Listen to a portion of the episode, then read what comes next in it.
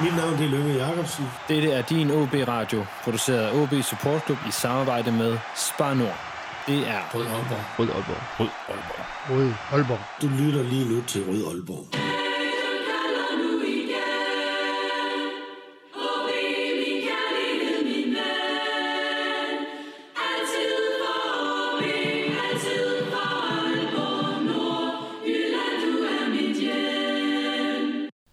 Velkommen til denne udgave af Rød Aalborg, en podcast om OB, produceret af OB Support Club i samarbejde med Spar Nord. Mit navn er Lasse Yde Hegnet, og velkommen til for anden gang i cirka sammensætning. Øh, I denne udsendelse der kommer det til at handle om livet som fodboldfan, og ikke særlig om spillet på banen. Øh, det er stadigvæk corona, der er stadigvæk rigtig noget spil på banen at snakke om. Øh, så derfor så er jeg taget til København for øh, at høre, hvordan det er at være OB-fan, når man bor i antitesen til Aalborg og Nordjylland. Og til det der bliver øh, lavet grimasse rundt om bordet allerede, det tegner godt. Nå, men med øh, mig i dag, der er tre øh, hvad skal sige, forholdsvis profilerede OB-fans, der alle bor i København, og jeg har virkelig glædet mig til at lave den her øh, udsendelse med jer. Øh, så nu vil jeg lige, øh, eller jeg synes faktisk, I skal selv I skal introducere, introducere jer, fordi nu valgte I jo simpelthen at sende rettelser til Øh, alle sammen rette, hvilke titler I havde eller ikke havde. Så hvis vi nu starter fra min venstre side, øh, Mads Møller, tør jeg godt sige, trods alt, så, Det må er du, selv, rigtigt. så må du selv stå for resten. Så langt, så godt. Øh, jamen, jeg øh, er øh, fra Tylstrup i, i øh, Vendsyssel på den øh, rigtige side af fjorden. Øh, er journalistisk redaktionsleder på P3 øh, og har været, har været OB'er siden 95. Meget præcist. Og så har du den kuriose oplevelse, at du har været inde i Theodor. Så jeg jeg har været inde i Theodor i, øh, i, en, øh, i en halv sæson.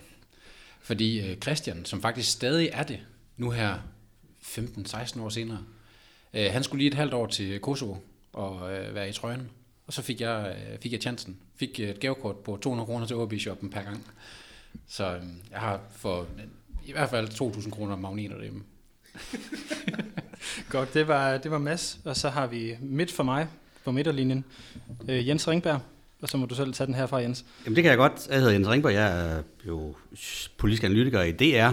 Øh, men min vigtigste titel er øh, selvfølgelig, at jeg OB har spurgt mig at være ambassadør for OB, og det tænkte jeg så over i halvanden sekund eller sådan noget. Og det vil jeg selvfølgelig gerne, fordi det er min klub. Og det har det været, øh, ikke sådan helt siden barndom, men siden jeg var i hvert fald sådan en stor dreng. Jeg kommer fra Østerbrønderslev, og dengang der kunne man ligesom holde med Frederikshavn, da jeg var dreng, eller med OB, og vi er så OB, og det er vi stadigvæk. Min bror har sæsonkort til stadion. Godt så. Og så til den sidste på min højre side, øh, Rune Hedman. Nu vil jeg så faktisk lige selv. Mand, menneske, myte, mentor, mastermind, mediepersonlighed, musikelsker, ifølge Twitter. Ja, og det er fuldstændig korrekt. Øh, det er sådan, hvad jeg er. Det jeg arbejder som, det er, det er kreativ leder i DR's markedsføringsafdeling, og så er jeg øh, redaktør på P3 Podcast. Men øh, jeg har tidligere været vært på P6 Beat, det er måske der folk kender mig mest fra. Ja, og så er du også kendt i Aalborg for, at du er blevet brugt som gulvklud af Bælum i Indørs. Ja, Thomas Bellum og jeg har gået på samme øh, folkeskole, hvilket betød, at jeg spillede mod ham nogle gange, både i skolegården og øh, oppe i idrætshallen, og øh, der fik man ikke ben til jorden. Nej, du har fortalt et par gode anekdoter, Ja, der fra det. fandme god. Men øh, velkommen til alle tre. Jeg er virkelig glad for, at I har, har lyst til at være med øh, i dag øh, til at snakke om, om OB og hvordan det er at være OB-fan herovre i hovedstaden. Øh, og hvis vi sådan bare lægger ud med, hvor, hvor, hvor det her OB halløj startede. Nu har vi ligesom fået etableret, altså Rune glemte lidt at sige, at han var for Aalborg, men det Ja, lå, jeg er for Aalborg. lå, måske 10.000 Aalborg. må, lå lidt implicit i det. Men hvor er det her OB-værk startede henne? Mads, hvis du tager den samme vej rundt. 95, var det et mesterskab, der skulle til? Nej, ja, nej, det var faktisk den første kamp, jeg så, der blev OB mestre. Øh, jeg øh, gik ikke op i, i andet fodbold, end det jeg selv spillede øh, før det, på det tidspunkt, da jeg var, da jeg var 10 år gammel. Øh, men min far havde et tv-selskab og skulle ud og aflevere et kamera til dem, der skulle afvikle mesterskabskampen. Og så fik jeg lov at stå op på taget af OB-vognen, den her lastbil, der blev brugt til at optage. Og så stod jeg på taget af den og kunne se en øh, fodboldkamp, hvor øh, OB blev mestre, og så tænkte jeg, hold kæft, er det sådan, det er at gå til fodbold? Det var da det, var da det det fedeste, jeg nogensinde har oplevet. Øh, og så fik jeg øh, sæsonkort med det samme til, til næste sæson, hvor vi i allerhøjeste grad ikke blev mestre. Men øh, så har jeg haft sæsonkort i, ja, i hvad bliver det, 11 år derfra, indtil jeg flyttede, flyttede herover. Og Jens, det er, jo- der skal vi så lige en tand længere tilbage end 95. Ja, det skal vi. Vi skal måske 20 år længere tilbage. Til, ja, altså jeg kan ikke huske, hvornår jeg havde så den første kamp, men det var jo der, man skulle tage hen til Aalborg, hvis man skulle se rigtig sådan, altså komme på et stort stadion, og det gjorde vi så også nogle gange. Det var ikke sådan, at vi kom fast. Jeg er ikke sådan, øh, jeg har ikke den der romantik med, at min far har båret mig på nakken gennem Aalborgs gader, øh, og så hen til stadion, for vi kom jo fra Østermunderslov, vi havde travlt med vores egen fodbold. Men det, vi begyndte at komme på Aalborg stadion, som jeg sagde før, så var det jo, så var Frederikshavn også en stor klub, og der var mange der fra det midterste, vendsyssel, der ligesom kiggede i den retning. Men vi endte så, øh, vi, vi var så, vi var så OB, og det har vi så været øh, lige siden. Og jeg kan godt huske nogle af de der kampe. Jeg kan godt huske, altså, øh, altså Lønge Jacobsen som spiller, det var en, man læste om. Han var spiller og set ham spille. Og der var sådan meget store kampe. Der var en kamp, jeg tror i 76, hvor Køge var en meget stor klub. Det hed en, der hed Charlie Petersen, som var en angriber. Og der var, vi, der, var der, jeg tror, 16.000 mennesker på stadion. Den kan jeg huske, at jeg se. Så det er sådan en 70'er ting for mig, og så, øhm, så har jeg været OB, siden i nogle perioder har jeg ikke gået vildt op i det, men de seneste måske 15-20 år er jeg bare blevet mere og mere optaget af klubben på en eller anden måde. Altså, jeg tror, jeg er en af dem, som var, er større, var større OB-fan som 55 år end som 15-årig. Det, det kan man så sige, om det siger måske noget om mig, men øh, det har jeg det fint med. Og Rune, hvad med, hvor den startede for dig? Jamen, det, jeg er jo sådan lidt født ind i en fodboldfamilie. Øh, min grandonkel spillede øh, den første pokalfinal for, for Aalborg Chang, og min morfar spillede faktisk også på det hold. Øh, men han tog så skiftet fra Chang til AB, det, det famøse skifte der. Så der fik jeg ligesom... Altså, jeg spillede selv i Chang, men, men det hold, jeg holdt med, var, var AB, ligesom. Og så skal det også siges, at ja, jeg er fra 9000 Aalborg, og jeg er fra Eversvej, så jeg har ligesom haft Aalborg Stadion i min baghave. Øh, så min forelskelse til den klub startede for alvor omkring 495, hvor jeg ligesom synkront med kampene blev spillet på stadion, spillede kampen i baghaven. Øh, og kunne høre publikum juble og sådan nogle ting. Og så var det sådan, da, da succesen begyndte at melde sig der i 95, at jamen, så ville jeg selv derud. Og så vidt jeg husker, så var der faktisk gratis entré for børn under 12. Så det nåede jeg, det nåede jeg gavn af i mange, mange år, fordi jeg altid har haft sådan lidt et, øh, et ungt udseende, lad os sige det. øh, så der omkring... Øh, 17 års alderen, der gik den ikke mere. Øh, jeg tror, vi skal op til en 18-19-20 eller sådan noget, før jeg ikke gik som 12-årig mere. Men nej, altså 95 især, og så også mester... Øh, øh, mesterskabskampen og de ting der. Men det er sjovt, som der er nogle ting fra de der år, hvor man er ung, eller barn, eller hvad man nu er.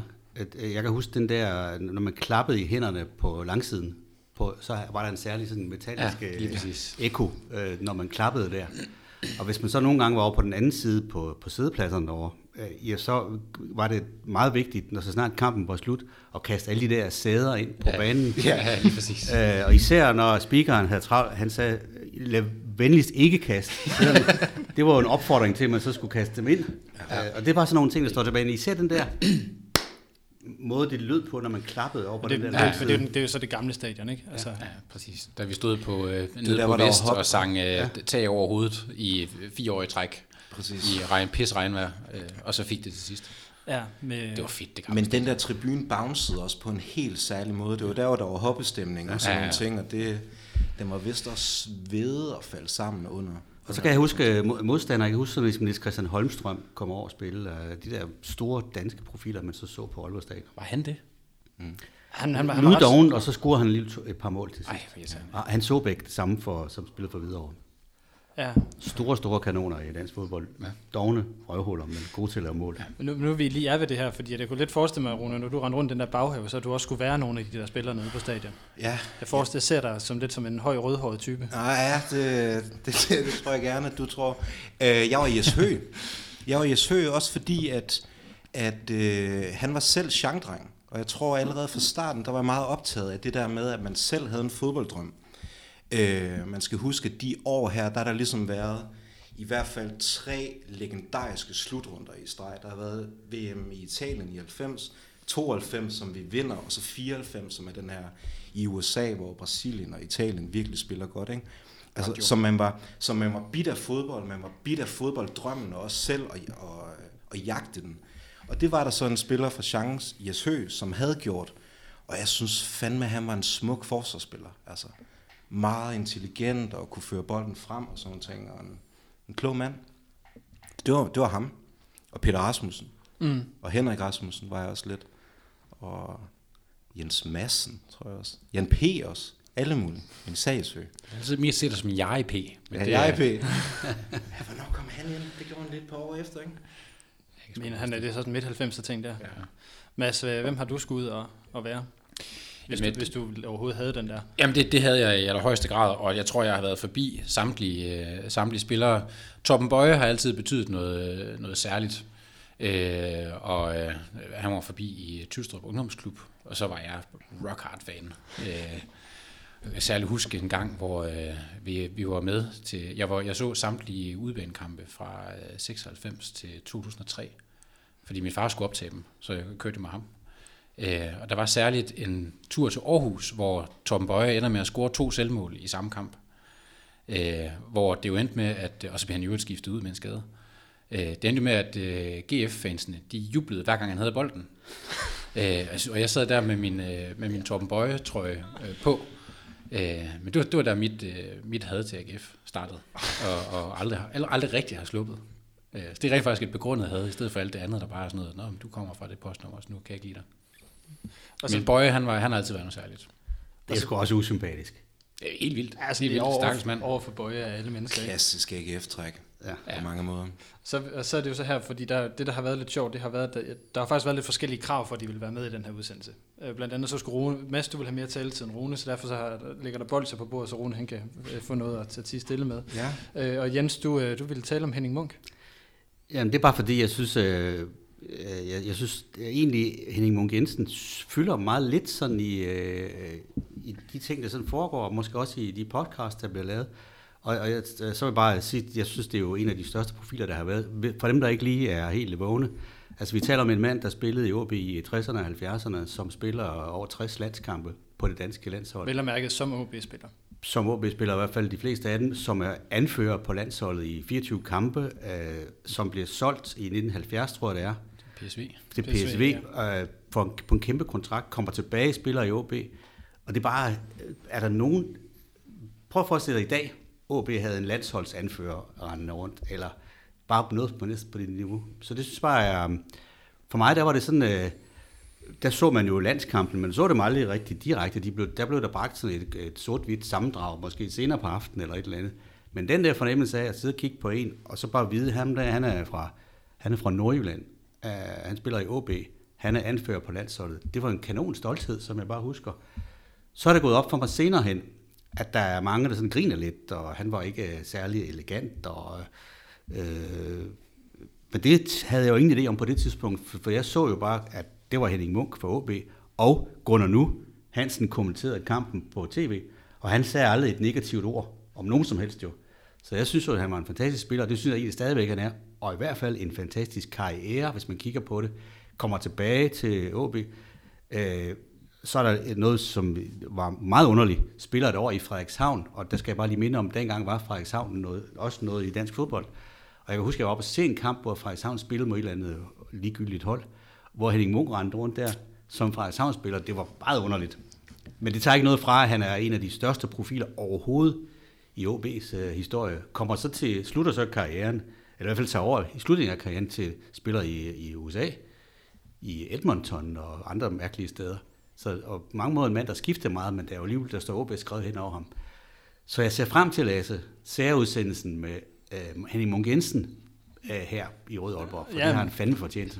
Altså han, han, han bliver jo desværre ikke alene i den udsendelse, fordi det bliver jo en udsendelse om det her hold i slut 60'erne, altså de to første pokaltitler, og så det her mesterskab, man skulle have vundet i 69, hvor, hvor Henning Munk jo faktisk er meget, meget central, øh, hvor han jo er med til at fortælle ret meget af historien. Altså landsholdsanfører, altså det er, er det ikke mange mennesker, der bliver. Og det var også omstridt, jeg har været lidt i arkiverne de sidste par dage. Det, det københavnske landsholdspublikum var håndelig nogle gange og, og, og buede af ham og sådan noget, for de synes ikke, han var super elegant. Det tager ingenting for mig. Jeg synes, at Henning Munk er en af de allerstørste OB'er, der har været. Men når vi nu bliver ved de her idoler, altså han, var, han spillede jo også i klubben i den tid, hvor du sådan op, opdager den lidt, eller begynder at holde med den. Havde han lidt sådan samme status, som, som det Rune og Mads, de, de, de snakkede om? Det har jeg ikke rigtig nogen øh, erindring om. Altså, jeg tror ikke, at jeg dyrkede det på den måde. Det var, også, øh, det var bare det, at han var fra Nordjylland, fra OB, og havde en placering på det danske landshold, for det var, der var ikke så mange, der havde Den næste, der sådan træder ind på den bane der, det er jo Ove Flint, som scorer det, det berømte mål, hvor Danmark endelig vinder i Sverige over Sverige. Så det er bare for at sige til unge mennesker, der var også store OB'er i gamle dage, og måske var der nogen, der var endnu større i virkeligheden i 70'erne. Det, der, det er Ove Flint, der øvrigt også med i den udsendelse, der kommer der. Det bliver øh, meget, meget øh, nostalgisk, når vi skal kigge tilbage og få den lavet færdig på et tidspunkt. Det der med at se OB'er på landsholdet gøre det godt, der tror jeg sådan, mit første minde om det, det har været øh, King Fat Cup, ja, hvor Peter, Peter Rasmussen Yes. var med, hvor jeg tænkte sådan, "Hold kæft, han er, han er fra Aalborg. Ja, forståring ham Ja, der. Ja, men også, det er også et, sindssygt, han var god mand. det er også et vildt hold at komme ind på. Ja, ja, det var helt vildt. Jeg, jeg var så stolt af at være, være, øh, for det første at være dansker, altså glødende nationalist, men den turnering øh, den, øh, pågik. Men også at være for Aalborg, hold kæft, hvor var han god.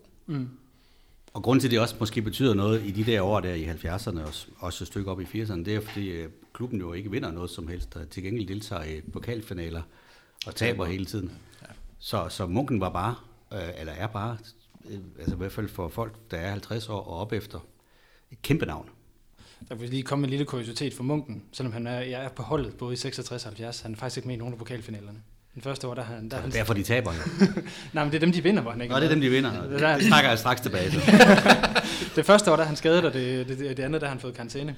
Så det ene, den ene, han er med i, i, i 67, hvor vi også taber, der, øh, ja, der, der taber vi så til Randers. Så er Mel Cabo ved begge to gået ud fra.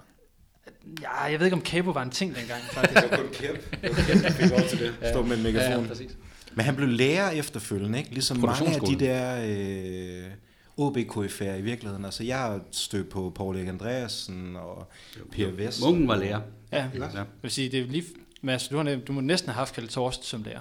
Ja, jeg havde Kjeld Torst til, til, ikke som fast idrætslærer, men øh, når vores egen lærer var syg, så havde vi ham. Og Jeg havde øh, Gerda Torst, hans kone, til engelsk. Ja. Så, øh, så Søren var der også forbi en gang imellem. Jeg havde øh, Jakob Friis' svigerfar til Øh, idræt. ikke for noget, at vi kom lidt ud i marginalen her. Det, det tror jeg også. Skal tilbage på sporet. Jo, men jeg det vil er- bare lige nævne det hurtigt. Jeg kender en, der har mødt Jeppe Kurt en gang, faktisk. Øh, Jeg har været genbo til Jeppe Kurt ude på Eversvej. Igen, vi skal tilbage på sporet. Ja, det tror jeg er en rigtig, rigtig god idé, fordi ellers så bliver det her en meget, meget underlig name-dropping på den tidspunkt. Det næste bliver vel, hvem der har rørt ved Lønge Jacobsen, forestiller jeg mig. Det har jeg gjort mange Ja, gange. jeg Rigtig mange gange. Jeg tror, vi skal også. tilbage til, hvem der har Det var været dengang, man må give håndtryk. Det har jeg Ja, faktisk. det må vi Ja. ikke mere. Og før MeToo. Det lyder meget, meget spændende. Det var en anden tid. Det var en anden tid, Lasse. Ja, det, det var det tydeligvis. Øh, okay, noget helt andet i forhold til... Nu, øh, Rune og jeg, vi har, vi har kø- kørt over sammen fra, fra Aarhus, i, eller fra Jylland i dag, og der har vi så snakket lidt om, omkring det her med spillestil, hvad det betyder for at være OB'er. Altså hvor meget, nu har vi snakket lidt om nogle spillere, som betyder noget for, at man ligesom er- identificerer sig med klubben og sådan nogle ting. ikke? Men, men hvad med den her spillestil, som vi taler så frygtelig meget om i dag? Er den egentlig så vigtig for jer? Altså, den, den, er, den er, jeg synes, den er helt øh, ubeskriveligt ubeskrivelig vigtig, øh, og har, har altid været det. Og det, har, det, har, det, jeg synes, det, det, er sådan en todel. Den ene ting er spillestil, og den anden er med typer på banen, som nogle gange kan opveje lidt for, at spillet måske ikke er så pænt. Når vi ser på, på, på tiden med, med Søren Frederiksen på, øh, på toppen, det var ikke altid det, det pæneste fodbold, men vi havde en, en spiller, der, der prøvede at slå sådan en underlig sideliggende koldbøt, hver gang han scorede et mål, øh, og hvor der var noget x-faktor i det.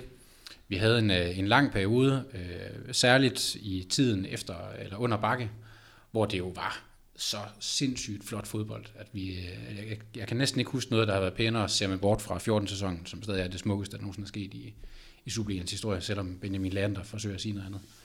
Øhm, så jeg synes, det, det er sindssygt afgørende, og jeg synes også, det er det helt rigtige, og at, øh, at eksempelvis, at, at man var nødt til at sige stop til, til Morten Vikhorst, øh, og det kedelige fodbold, der spillet, blev spillet der, Bruce Reich var den sags skyld, jeg vil sgu hellere underholdes i et øh, 2-0-nederlag, end jeg vil, øh, end jeg vil kede mig ihjel i en øh, 0-0'er.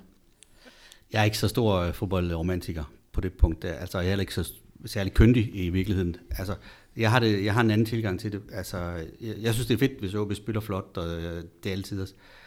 Øh, det, jeg ikke kan holde ud, det er slaphed. Mm. Øh, det er øh, mangel på begejstring. Og det er, hvis man ligesom nærmest kan fornemme fysisk, når man står og kigger på en kamp, at det slet ikke er et ordentligt forhold mellem træneren og spillerne, og det giver udslag i manglende, er manglende engagement. Og det synes jeg oplevede under Vikhorst, for eksempel. Ja. Mm. Øh, men i virkeligheden så handler det for mig om øh, attitude. Hvis ikke man kan spille lækkert, så må man fandme slås, så blodet sprøjter. Og derfor så hader jeg øh, manglende engagement. Jeg, jeg, jeg, jeg dør indeni, når jeg står på Lyngby Stadion i den første kamp i den her sæson, og ser folk, der ikke gider at løbe tilbage. Det gider jeg simpelthen ikke at se på. Og, der, og der er jeg så ikke, jeg er ikke særlig forstandig i fodboldtaktik og sådan noget, og, og hvor, hvor lækkert det er og sådan noget. For det, jeg hader sådan noget Barcelona tiki-taka. Det er det værste, jeg ved. Jeg vil bare have folk, der slås for sagen. Og jeg gider ikke folk, der ikke gider løbe tilbage, bare fordi vi er bagud. Så det er simpelthen, og det er ikke den klub, vi skal være. Det var i bund og grund også det, vi sådan blev, blev enige om i bilen der, altså at, at det handler meget om udtryk. Mm. Altså, det handler meget om at øh, få nogle spillere ind, som, som gør det, der er krævet af dem. Altså det er jo ikke det, er jo ikke det samme, der er krævet af en midtbanespiller, som en angriber, men at man, at man øh, kæmper kæmper med trøjen på, og dør med trøjen på, og man kæmper for den klub, og det, og det klublogo, der ligesom er på den. Ikke? Øh, det er mm. derfor sådan en spiller som Oliver Appelgaard har været en af mine favoritter de seneste år, fordi han gik fandme forrest. Han ville fandme kæmpe for det, ikke? Hvor at især under Vihors, der var det altså et meget gråt og tamt udtryk, der kom der. Øh, men nej, det er ikke krævet af OB, at det bare skal være gunho, og nu angriber vi med, med 8 af gangen, og, og teknisk øh, bla bla bla. Altså, og der har jeg nogle gange, hvis man afbryder, der har jeg nogle gange siddet og været lidt ophidset over at høre Mediano for eksempel, fordi Brygman har nogle gange, Peter Brygman har nogle gange haft sådan en, en fortælling om, at OB-fans er meget forkælet, og ikke tilfredse, hvis ikke vi ser øh, brasilianer fodbold. Det er det rene røvl. Det vi vil have, det er bare folk, der slås for trøjen. Det er sådan set bare det hele. Så må det gerne se godt ud. Og det skal især være effektivt. Det er derfor, jeg har været helt vild med sådan nogle uh, uelegante angriber, vi har haft i tidens løb. Vi havde ikke Bo Andersen, der var endnu længere tilbage en uh, topscorer, der hed Måns Jespersen, høj, høj mand. Virkelig ikke nogen elegant, men han hættede på alt sådan over knæhøjde, og lavede rigtig mange mål. Det synes jeg er fedt. Mm. Der, der, der tilhører jeg sgu lidt øh, den del Brygman måske langt ud efter. Jeg synes jo, de, de der, ja, men, men altså, øh, den der, siger Bonke, Nomvete hjemmekamp mod Brøndby, mm. hvor han altså moser dem fuldstændig, og de typer, vi har haft, der kunne noget kreativt, øh, når, når øh, Kusk og Thomsen var, var bedst sammen. Altså, øh, det var ikke, jeg vil ikke kalde det tiki-taka, fordi der var sgu ikke mange bolde til siden i den periode det, det, jeg, jeg er simpelthen stolt af, at, at det var noget, vi kunne. Men, men det er også måske en anden ting, som vi, vi, vi lige var rundet i, i bilen herovre, var jo det her med øh, Lars, Lars Søndergaard-perioden, som mange af os jo nok husker som også noget, der var gråt og træls, ikke? men der var jo netop noget fart i, i den der Basogok-Pol angrebskonstellation. Ja, det, det var gik, to raketter. Det gik i hvert fald. Men der vil jeg godt lige sige, hvad det ord, jeg nævnte lige før, effektivitet. det var det så Nej, men altså, jeg kunne tage på stadion, bare for at se Basogok have en OB-trøje på. Ja. ja. Det er fint.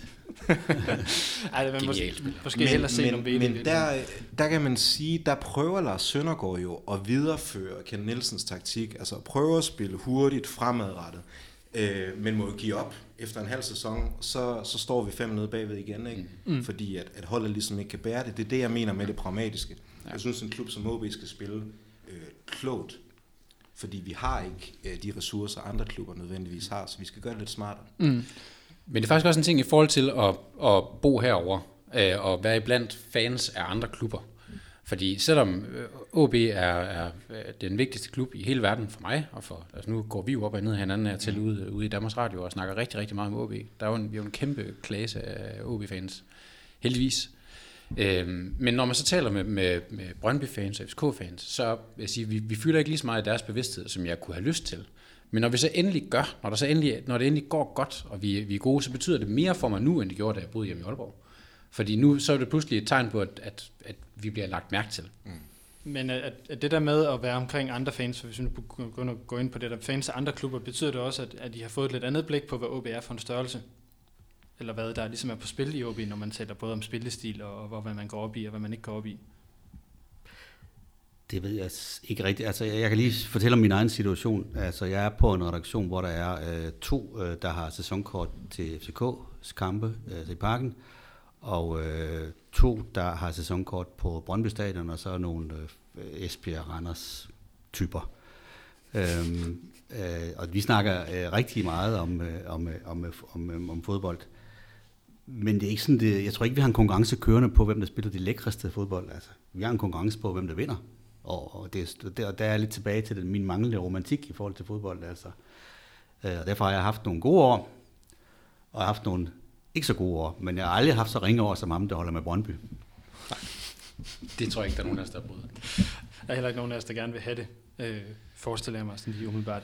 Øh, hvad hedder det? Nu har jeg egentlig skrevet her i oplægget, jeg lige vil høre, i hvad for en, en, en OB-trøje, der var i Søndling, så det, det skulle være ment som en eller anden meget elegant overgang til, om man flasher sin OB-trøje, når man bor i København.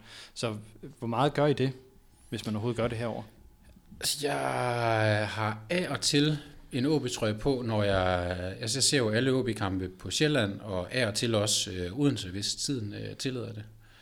Øhm, en gang imellem har jeg haft den på. Altså, der var 14 øh, efter øh, i, i mellemperioden mellem øh, øh pokalfinalen og mesterskabet. Der havde jeg min OB-trøje på hver eneste dag. Øh, på det tidspunkt, der øh, datede jeg en pige på Østerbro. øh, hvor, man jo, hvor jeg udover at kunne gå på Østerbro i min OB-trøje, velvidende at det, var, øh, med, så det medførte en, en vis risiko, så lå der jo guldglimmer på Østerbrogade i flere uger efter. Og det var simpelthen, hold kæft, det var fedt at gå der. Jeg skulle, det var sjældent, jeg overhovedet skulle den vej, men jeg gik altid op øh, og tog bussen der var. Bare for at se OB guldglimmer spredt ud over Østerbro i min OB-trøje. Det var proppet med FCK på Østerbro. Det er et røvsygt område. Er det ikke der, du bor, Jens? Jo, jeg bor på øh, bor 3- 500 meter fra, jeg bor 500 meter på, på, fra parken. Øhm, jeg, jeg har ikke sådan en, en spil yndlingstrøje, altså jeg har kun et krav, det er, at det skal være striber, det skal være striber både på foran og bagpå. Alt det andet er noget pjat. Øh, og så har jeg øh, den der, der kom sådan en øh, The Dobbeltrøje, sort, som jeg faktisk går en hel del i. Men, øh, men det er ikke sådan, jeg går rundt og promenerer i min trøje normalt. Jeg t- forsøger at tage trøje på på stadion, bortset for, at jeg synes tit, det er så pisse koldt, når man skal til fodbold. Ja. Ja. Øh, især oppe i Farum og sådan nogle steder, så er man nødt til at nøjes med et tørklæde. Men øh, ellers har jeg ikke sådan, øh, jeg, jeg er ikke sådan romantisk omkring trøjer, så desværre, Lasse. Jeg ved godt, det, det, det, det kan du godt lide. Det, der er ikke så meget romantik i, i dig, Jens. Det kan Jo, jeg det godt er, jo, jo, det, det, det, det er forkert. Der er romantik i det at have en klub, som man ved er den eneste klub, man nogensinde kommer til at holde med og være en del af. Og de skal vinde nogle kampe, og man skal stå sammen med andre gode kammerater ude på stadion. Det er der bjerge af romantik i for mig. Men, de der, men, men, men om de spiller på en særlig lækker måde, eller har nogle bestemt trøjer på, det er ydre ting for mig. Men der er meget kammeratskab og kærlighed i klubben til klubben. Så det vil jeg bare lige sige, at topromantisk, bare på en anden måde, end du synes. Og så faktisk lige sige til Jenses forsvar, at jeg tror, i, i de 15 år, jeg har boet over, og set stort set alle kampe, OB har spillet på Sjælland, jeg tror aldrig, jeg har været på til en OB-udkamp, hvad end det har været en, en ligegyldig pokalkamp i Roskilde, eller hvor fanden vi nu har været henne. Jeg tror aldrig, jeg har været der, uden at du også har været der. Så, øhm, at se det hele. så du er der, trods alt. Ja. Godt være, at øh, du ikke har roser med til folk, men øh, Det er sjovt, du ikke nævner mig. I den Ja, ja, scene. det- det Jeg synes også tit, jeg er til de udkampe. Uden OB-trøje på. Uden OB-trøje. Det er jo definitionen på at være en øh, ægte fan, det er at stå øh, på Herfølge stadion en kold mandag aften i frostvejr og se på en 0-0-kamp. ja. Men bliver man mere fan, når man så går på, til udbanekampe? Fordi det, det er jo også den der ting, der ligger i, at så bo et andet sted, end der, hvor holdet spiller. Altså, hvor meget, hvor vigtigt er det? Fordi for mig er det jo også lige så meget det der med at stå og fryse til en Viborg-kamp i snevejr i Aalborg. Men jeg ved ikke, fordi det er jo bare ligesom den betingelse, der er, når man nu bor her. Det er, så er man per definition primært udbanefan. Og det, er- det er på mange måder øh, røvsygt, fordi man bliver tit behandlet pænt dårligt som udbanefan. Altså, vi har oplevet, at FCK de skulle fejre et mesterskab ind i parken og havde bygget en scene lige foran øh, OB's fans. Det var der, hvor vi blev reddet af, af den Randers Esbjerg-kamp. Der har de bygget en scene lige foran OB's fans, så vi ikke engang kunne se det meste af kampen. Øh, der er de der net, de sætter op alle steder. Men på en eller anden måde er det også bare med til, til at give sådan en fuck dem følelse. Mm. Altså, jeg synes, det er fedt at være ude, udebanefan. Nogle gange må jeg være ærlig at sige, at i det her lukkede rum, så bliver jeg lokket af lounges og mad og fadøl og sådan noget, og står oppe i varmen, og har det rigtig dårligt, når jeg kigger ned på mast, og står og fryser ned på lægterne i parken for eksempel. Men jeg synes, Er det er i fedt. loungen til OB-kampe? Det var jeg da sidste gang, så jeg stod der og vinkede ned til dig med min fadøl i hånden. Jeg har også været i Michael Laudrup Loungen. Til en OB-kamp? Ja, til en OB. Det kunne jeg aldrig nogensinde gøre. Nej. Det kunne jeg heller ikke i princippet, men så... Altså så jeg ja. buffeten. Jeg har set rigtig, rigtig mange FCK-kampe øh, i loungen, og Brøndby-kampe i loungen, øh, med øh, fri øh, buffet og, og fadøl. Ja. Jeg kunne aldrig drømme om at være der til en, øh, til en OB-kamp. Der er jeg simpelthen nødt. Men det, jeg vil ikke kunne holde min kæft i 90 minutter uden at... Men det gør jeg da heller ikke. Altså, Nej, nej, men jeg, vil, da- jeg, jeg er jo bimlende idiot. Det ved, De- de, folk, der øh, følger mig på Twitter, ved godt, at jeg ikke kan styre det. De lounges, Øh. det, altså, jeg vil sige, de lounges, jeg kommer i på Brøndby Stadion og i parken, der er, det er jo OB-fans, der besætter dem. Nå, hold Så. kæft. Så, så vi har OB-fans på så høje positioner simpelthen. Ja, der er faktisk lige nødt til at spørge dig, Jens, fordi nu, nu har, taler du, eller stiller i hvert fald ret tit spørgsmål til, øh, til fru statsminister. Øh, er hun ikke lidt OB-fan? Den der Brøndby-ting, er det ikke bare noget, som deres øh, presseafdeling har fundet på? Ja, jeg oplever i virkelig ikke Mette Frederiksen som, som fodboldinteresseret øh, overhovedet, øh, men hun har jo, til hendes forsvar, hun har jo boet på Vestegnen i, i rigtig mange år. Så altså, jeg ved ikke, politikere og deres, øh, det er sådan lidt, Hele Thorning var jo samtidig fan af Brøndby og FCK, det synes jeg måske var endnu værre. Jeg kan sige, øh, hvad angår politikere generelt, altså Liverpool-partiet, det er klart det største parti på Christiansborg, skarpt forfulgt af Brøndby-partiet. Øh, og derfor har jeg også tit øh, haft gode tider derinde, fordi Brøndby har haft latterlige sæsoner. Det er rigtig mange år i træk. Men det er da tankevækkende, at landet skal styres af en Aalborgenser, landets største kommune skal styres af en Aalborgenser, yes. øh, Aalborg Kommune er styret af en Aalborgenser. Altså det, det er... Og nu en landstræner Og i fodbold, ja, han er som også er Aalborg, ja. født i Aalborg. Ja, Det er julemand. Det er tyndt. Ja. Men nu i forhold til det med at komme til, til, til udebanekampe, altså det betyder mere for mig nu at være ude og se fodbold på stadion, end det gjorde, da jeg boede hjemme i Aalborg. Øh, Hvorfor? Egentlig. jamen, først og fremmest fordi det, er- det er sjældent, at man kan komme ud og se, se fodbold. Det, jeg, Altså, der er der ret mange øh, udkampe, du kan komme til. Ja, det er der, og jeg, jeg håber hver eneste år, at øh, vi ender i samme, om det enten er oprykning eller nedrykningspulje, som der, hvor der er flest øh, sjællandske hold. Øh, men det der med at komme ud og være en del af det fællesskab, fysisk også, i stedet for bare at sidde på, på Twitter og være enig med øh, Emil øh, Kær og, og de andre, øh, hvad vi jo øh, konstant er. Øh, og så være der sammen med de andre. Det kan godt, der, det, det er der, hvor jeg mærker tydeligst, at jeg er øh, væk hjemmefra, det er om søndagen, eller om mandagen, eller når fanden de her kampe bliver lagt, så mange af mine bedste venner, som er, er både Brøndby og FCK-fans, øh, af forskellige årsager, øh, så tager de jo øh, S-toget, og så går der et kvarter, og så er de inde og se deres, øh, deres eget hold på hjemmebane. Øh, og det er der skide misundelig over, at de kan. og det savner jeg af helvede til. Så jeg tror derfor, at de der udbaneture, altså når vi har, Rune, taget, taget S-toget til Farum, selvom det er, det er ikke den mest spændende tur, man kan tage, Øh, men det der med at have fornemmelsen af, at, at man lige stikker et sted hen, der er tæt på, det kan jeg så godt lide. Er I, er I blevet mere eller mindre OB-fans af at flytte? Egentlig.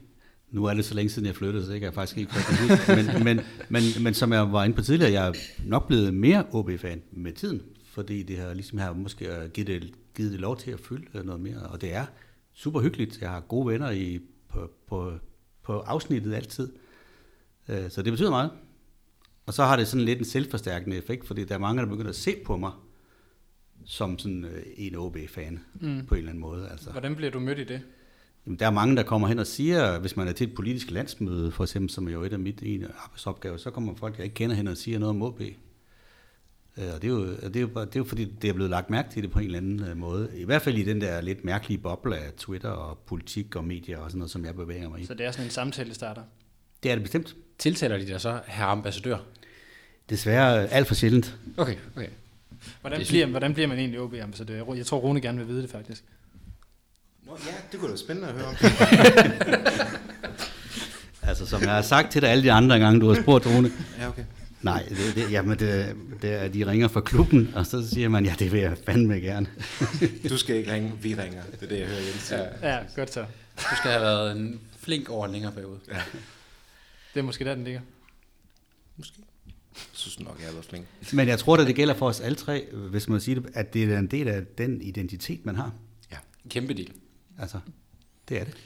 Så nu er Mads og Rune, nu er I så flyttet fra Aalborg, vil sige, noget nyligere end, øh, end, end, end hvad Jens er. Hvor meget har det betydet for jer at have, øh, tage OB med, hvis, øh, Rune, du får lov at starte?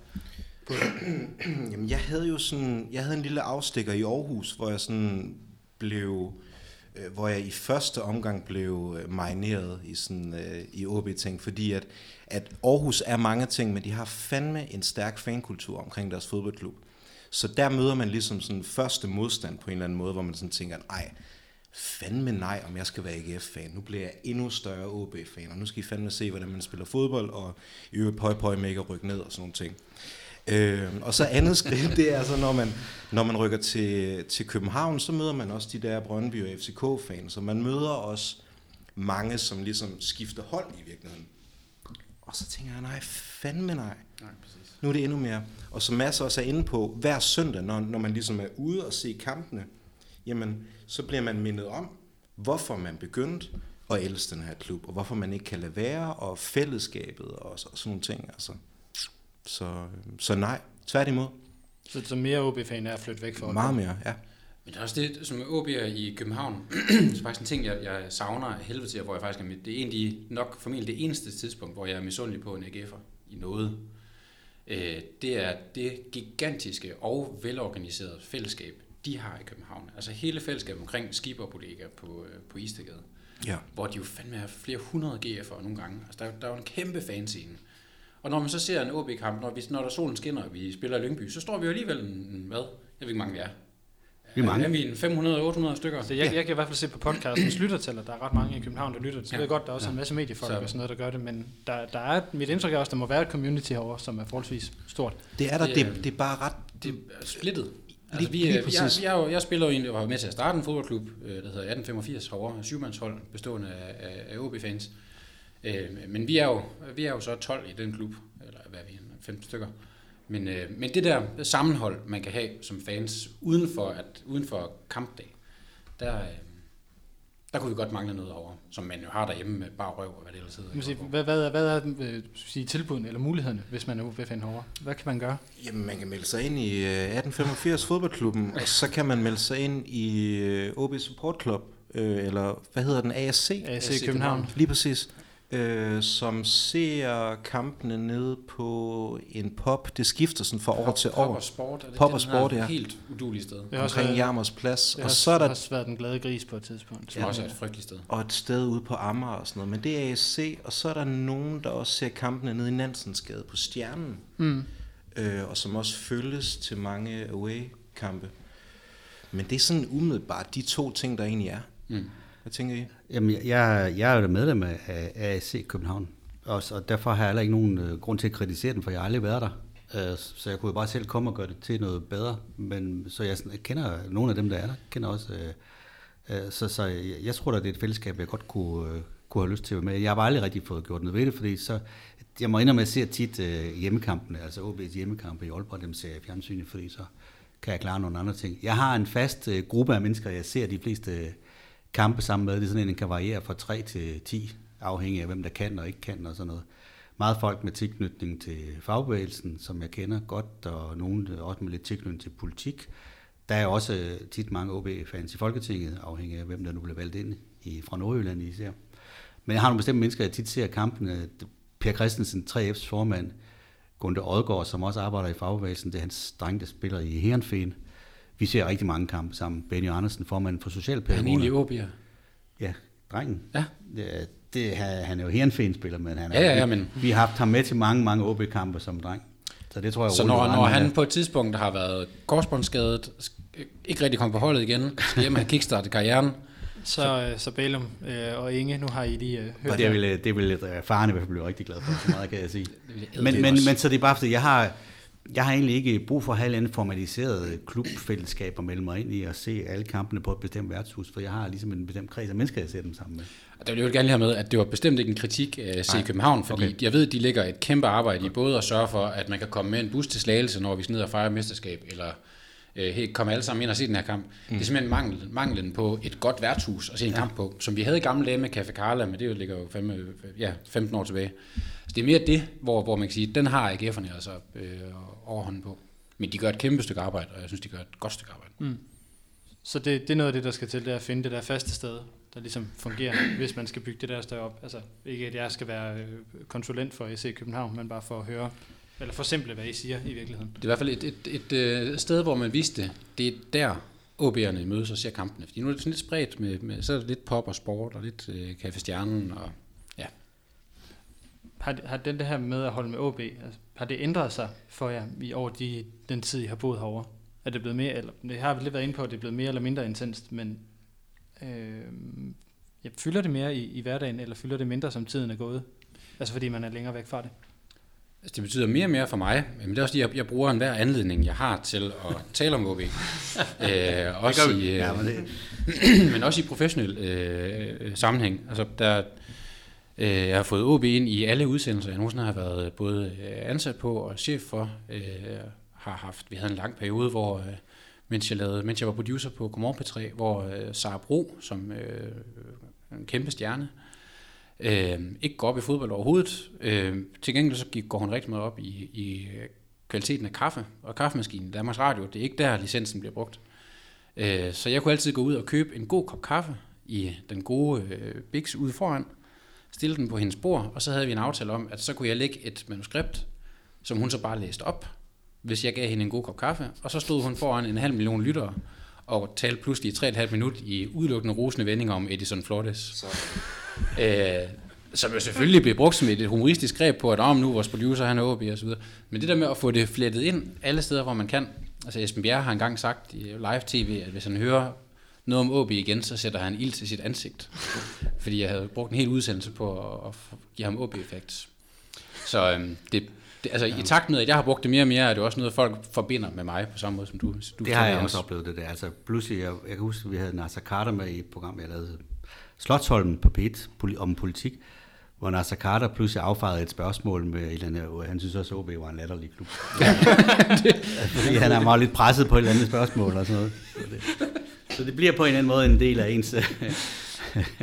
Altså, vi, kan, vi kan også sige, at øh, nu er Lønge Jacobsen jo en del af skillerne her i, i, i podcasten. Det er jo øh, Rune, der lige kan puske glorien for, for, for, for, for, at jeg fik den idé, eller for at det blev til en ting i hvert fald. Ja, jeg sad jo og lavede et øh, musikprogram på øh, P6 Beat, og så fik jeg den skøre idé, at øh, når man laver radio, så laver man sådan nogle øh, program IDs, som er sådan nogle skillers, hvor der er en eller anden, der siger, du lytter til det og det og det.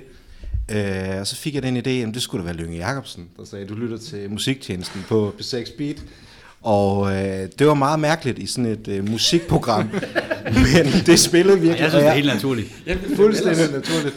Øh, og øh, jeg fik bare så meget respons på det, altså får det stadigvæk en gang imellem på Twitter, hvor folk skriver, at de savner den lyd og sådan nogle ting.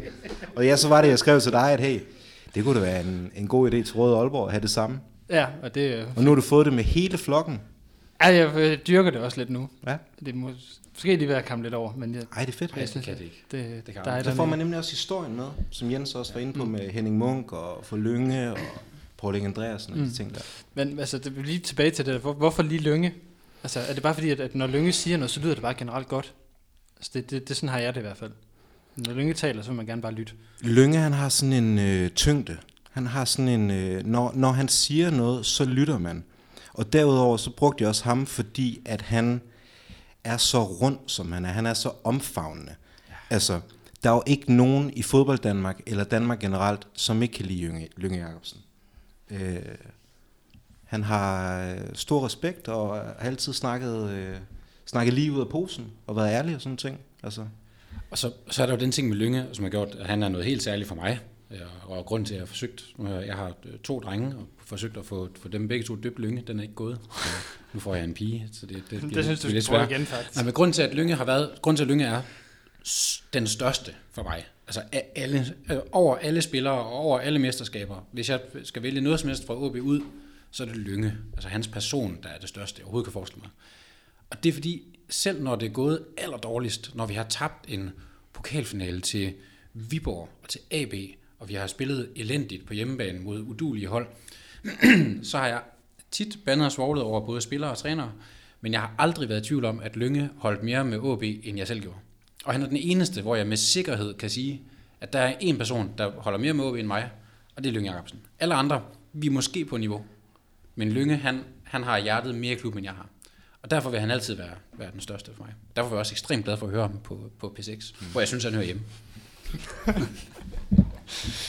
Jens, var det en hånd, der var op der? Jamen det var fordi, jeg synes nemlig, det er meget interessant. Jeg har det præcis på samme måde med Lønge Jacobsen, og han blev jo bare en, nærmest den større stjerne i klubben. Øh, der hvor klubben jo begyndte at vinde alle øh, vandt de der seneste mesterskaber, fordi han bare hele tiden stod og sagde, nu skal vi ikke sælge skinnet og alt det der. Og det blev bare En enormt ad gangen. berømt, og, og aviserne har lavet historier med de 10 bedste Lønge-citater og alt det der. Og, og det synes jeg er fantastisk. Og det er så lidt i modsætning til, hvad jeg nogle gange ellers mener om OB, hvor jeg synes, der er en tendens til for meget hjemmeavl. Altså for mange folk, der har været tidligere spillere og fylder op i, på ledelsesposter i bestyrelse og så videre og så videre. Men der er Lønge, han er bare den, som gør, at jeg tænker, okay, det er måske meget godt, nogle af dem, der er i klubben, det er nogen, der har en fortid der. Og han har været spiller, og han har været ansat i kommunen og alt det der. Så jeg er også kæmpe fan. det betyder ikke, at jeg synes, at OB ikke har godt af at få noget blod ind udefra, for det mener jeg virkelig, klubben har. Det er blevet vist mange gange, at der er kommet for lidt blod ind udefra, efter min mening. Det er lidt i hvert fald i, tror jeg, vi alle sammen kan blive nogle perioder der, når Ja. kan vi se med nogle mesterskaber, når vi har fået ind udefra, at det ligesom har flyttet nogle ting, som, mm. som vi ikke havde regnet med, at vi, vi kunne flytte. Så hvis vi nu tager den, fordi der er jo ligesom sket lidt i klubben her det seneste års tid, hvor øh, Gorte er, er stoppet, og vi har også fået nogle, nogle nye folk ind på nogle ledende poster. Paul Erik er stoppet, så vi har fået Søren Krog ind i stedet for.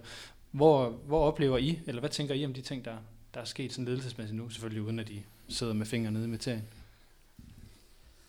Der bliver stille omkring bordet. Ja, men jeg, jeg synes jo først og fremmest, at, det er, at der har været en, en kæmpe tryghed i at vide, at uh, Paul Erik har rendt rundt ude på Rundvej.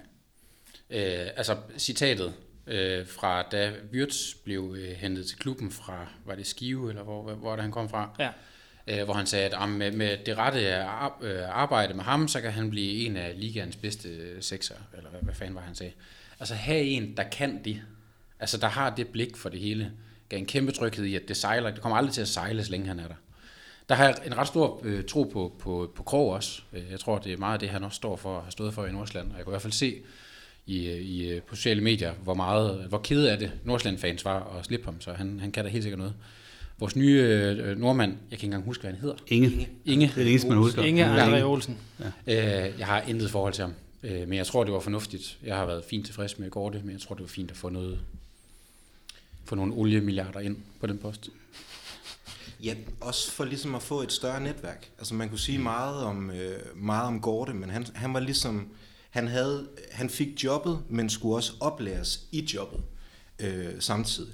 Øh, og der var det dels at lære at kommunikere, men også at, at sælge og købe spillere og oprette det her sådan talentspejdernetværk, eller netværk i klubber generelt og sådan noget.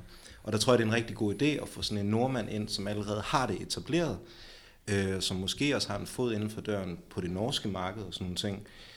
Øh, og øh, det tror jeg sådan, hvad sker der deroppe? Altså, har vi brug for at få en fod ind på, for det, på det norske marked? Ja, Nå, jeg synes, at Ivar, Ivar Fossum, Ivar Fossum er Ja, ja. et godt eksempel. Frank Strandli. Ja. Han, øh, Bort Borgersen. Kittil Væl. Kan blive ved.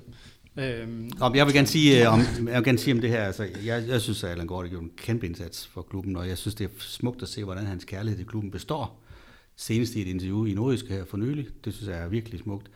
Øh, jeg, jeg tænkte, da de så øh, i gåsøjne bare ansatte Jakob Friis som cheftræner, så tænkte det er det sædvanlige øh, i OB.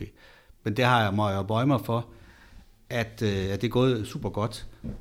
Og, og hvis jeg bare må sige en ting mere, det der med, jeg vil gerne have set noget, sådan noget ånd og noget spirit og noget kærlighed til klubben.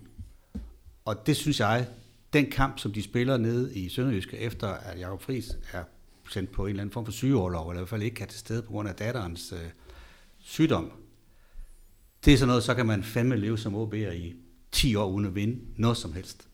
Altså det er bare så stærkt. Så sidder jeg hjemme i sofaen øh, nede i Nordhavn med tårer i øjnene. Det gør jeg bare. så en, en til en samme situation. Bare ikke lige i Nordhavn, men ellers præcis det samme.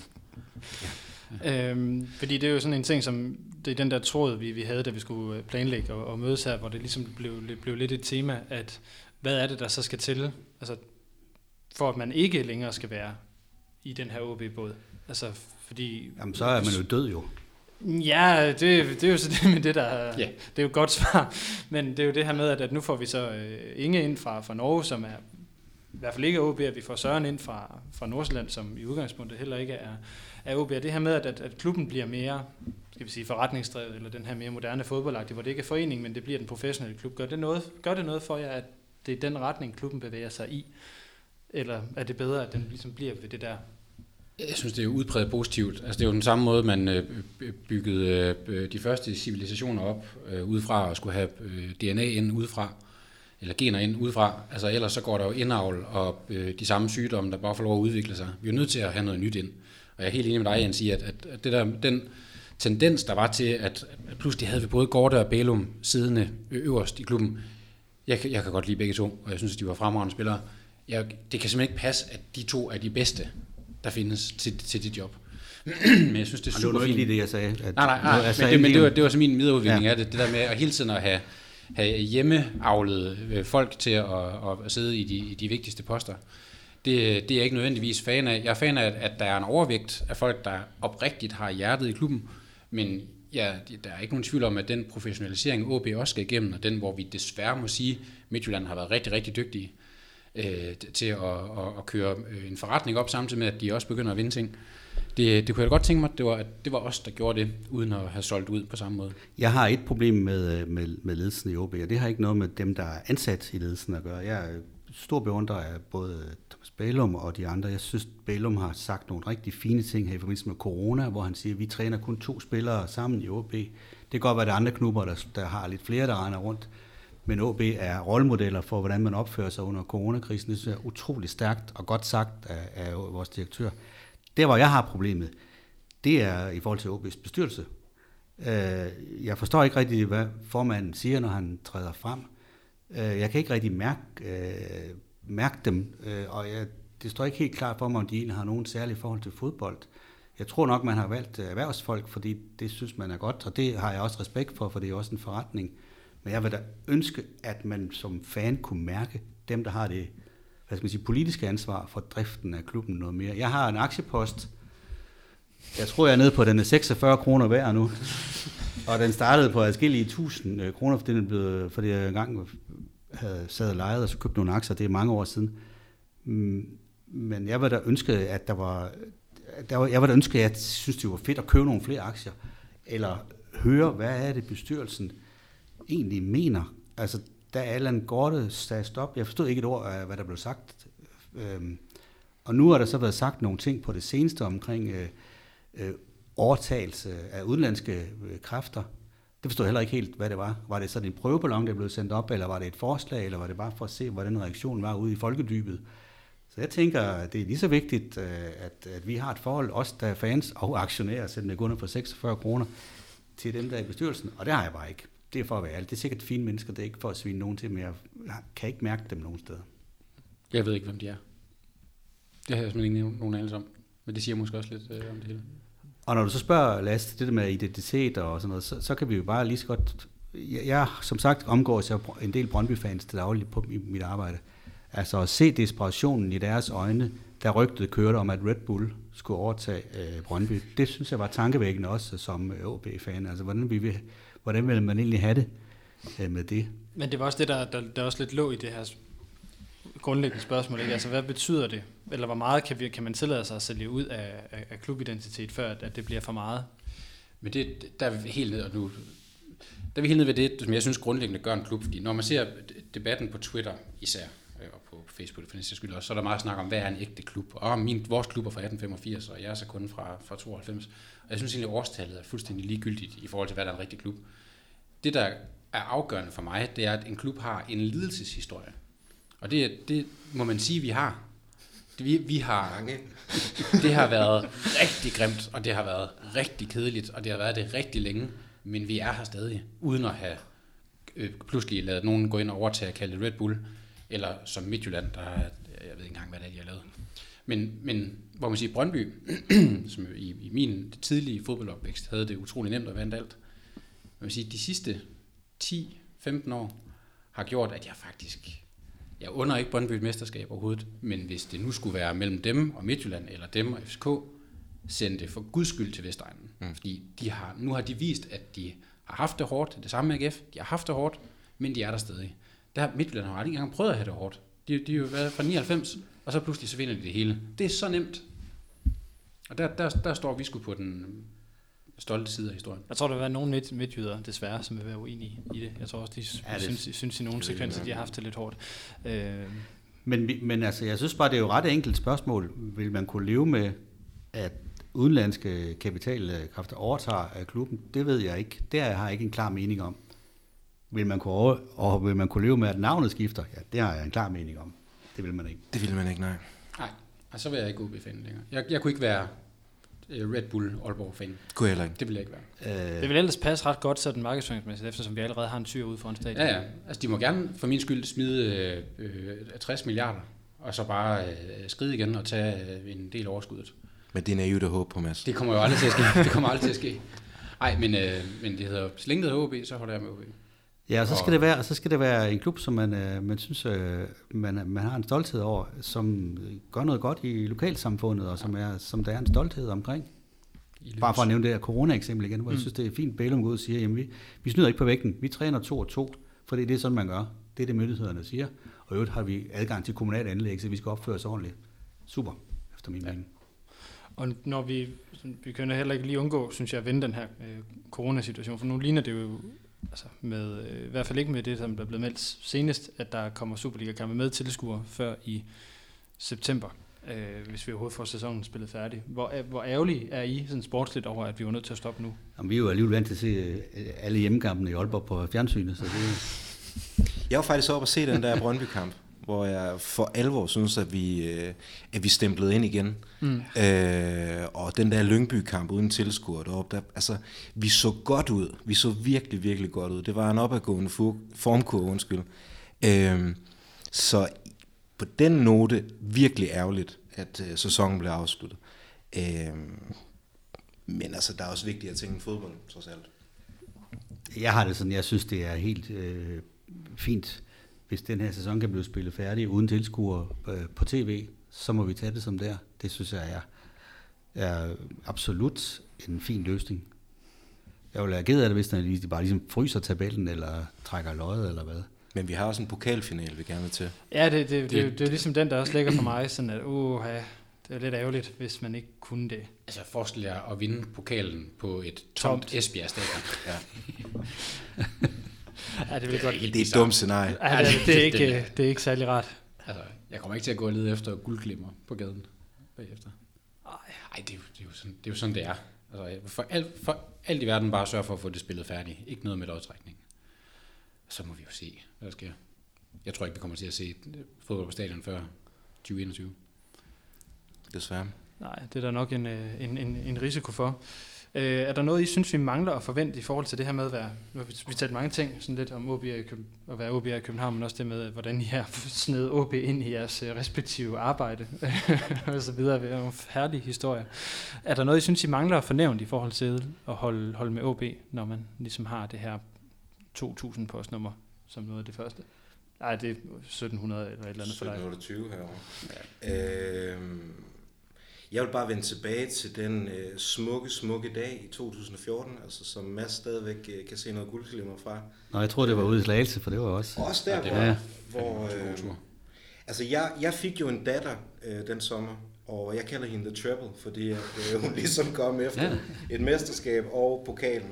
Men øh, det er jo frem til, det er jo bare det der med at være Aalborgenser bosat i København, hvor, at man, hvor man skal ind og se en pokalfinal i parken, hvor man har fucking hjemmebane og ender med at spille FCK ned under græstæppet. Altså, det var så smuk en dag, at jeg har, jeg er svært ved at formulere det. Det var så rørende. Det var, det var ja, også en af de største oplevelser, jeg har haft som øh, OB-fan herover. Altså, turen til Slagelse var også fed.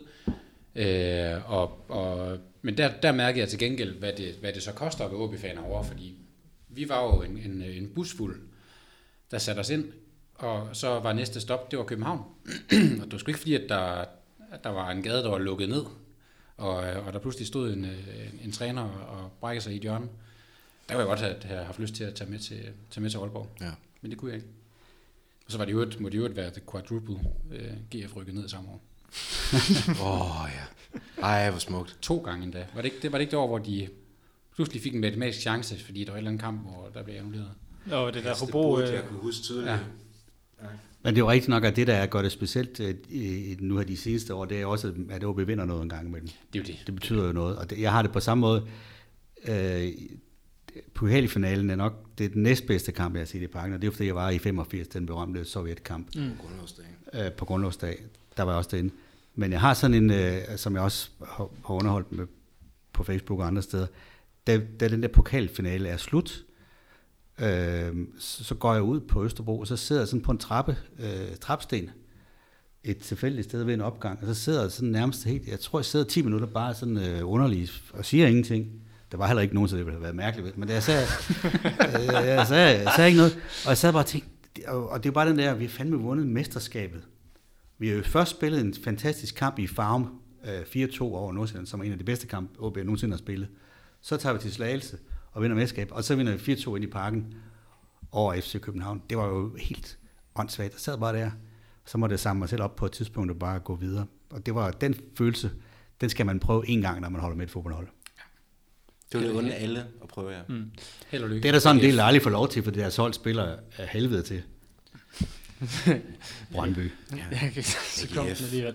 Men hvad hedder det? Det, det, det, det, det er, pokalfinalen er det største næste efter Sampdoria-kampen i min bog.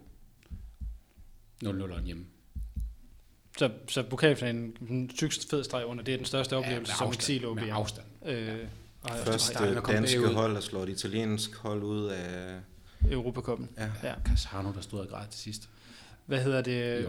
Der er lige en, en ting, jeg kommer til at tænke på, når, når I nu nævner den, de her FCK-ting og sådan noget, at hvor, hvor træls er det, at OB ikke altså, sjældent vinder over FCK? Og betyder, betyder det også noget for det med at være, være OB-fan i København, at man faktisk sjældent kommer hjem her, heroverfra med point? Ved du hvad, altså sådan ser jeg sgu ikke på det. Altså jeg har, det er ikke bare noget, jeg siger, sådan har jeg det ikke engang. Altså, så, okay, så tager man ind i parken og taber en kamp eller ude på Brøndby Stadion. Altså jeg glædes meget længere over en sejr mm. i parken eller på Brøndby Stadion, end jeg ærger mig over et nederlag. Altså. Det, det, det er lidt sådan øh, at være OB i den sammenhæng, er jo lidt at være, være målmand på, øh, på et straffespark, hvor hvis den går ind, ja, ja, ja. Og hvis du redder den, så, så er der højt hår i den. Til gengæld så har vi det godt med dem hjemme på det seneste. Ja. Vi har lige slået mod pokalen, og jeg tror også den forrige ligakamp, der slog vi dem også deroppe. Altså. Ja, det var øh, dem der... Men det er altid en dårlig oplevelse at komme i parken. Det er ikke, øh, det er ikke kun på grund af resultatet, det er også meget behandling, man får derhen og sådan Ja, ja. Altså nu var vi jo trods alt på, på D-tribunen sidste gang, som, som hjalp lidt. Det hjalp ja. lidt i forhold til A12 helt op under taget, hvor man nærmest får næseblod af at stå deroppe så højt op er det, ikke? Hvad blev der egentlig af den der boykot? Øh, den tror jeg egentlig... Er den stadigvæk gældende? Nej. Det tror jeg ikke, den er. Nå, okay. Det der dumme, dumme net, det, er, det er simpelthen nok til, at jeg... Jeg, jeg har set øh, flere FC Nordsjælland, som jeg synes har det værste net. Ja. Øh, set flere kampe deroppe på neutral afsnit, så rykket så langt ned imod OB'erne som muligt. De, det, der, det der skide net, man kan ikke se noget som helst. Det er faktisk det værste ved at være, være OB i København og kun se udkampe. Det er, at man helt skal se hele lortet bag det net. Ja. Jeg bliver vanvittig af det. Der, og FCK's synes jeg er fint, hvis det endelig skal være. Men lad os da nu for gud, så må de sætte net op når Brøndbyerne, hvis de ikke kan styre det.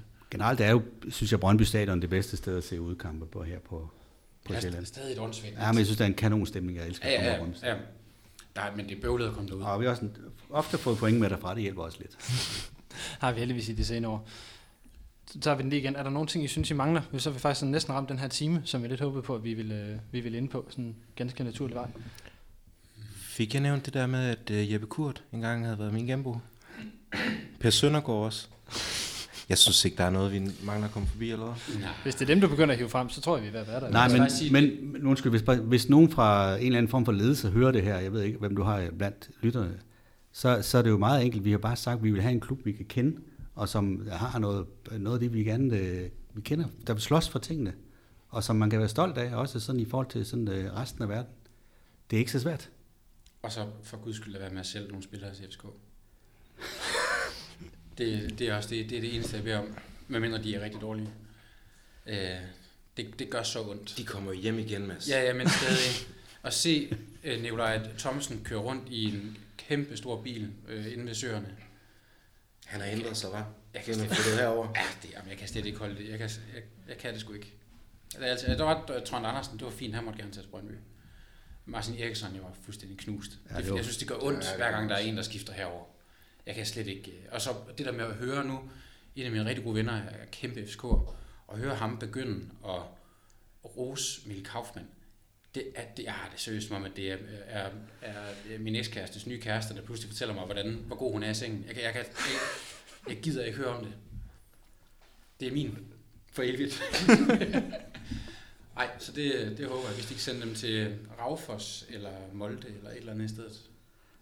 Det var alt andet end Brøndby. Det var et meget smukt sted at slutte, Mads. Ja. Øh, tror jeg. Ellers så vil jeg sige tusind tak til, øh, til Mads Møller, til Jens Ringberg og til, til Rune Hedman, for at de har lyst til at, at være med her. Øh, jeg ved jo, at de sædvanligvis faktisk også lytter til podcasten, så det er jo fantastisk at have nogle, nogle lyttere i den forstand med i, i studiet. Jeg håber heller ikke, det er det er sidste, det er sidste gang, at der bliver mulighed for det.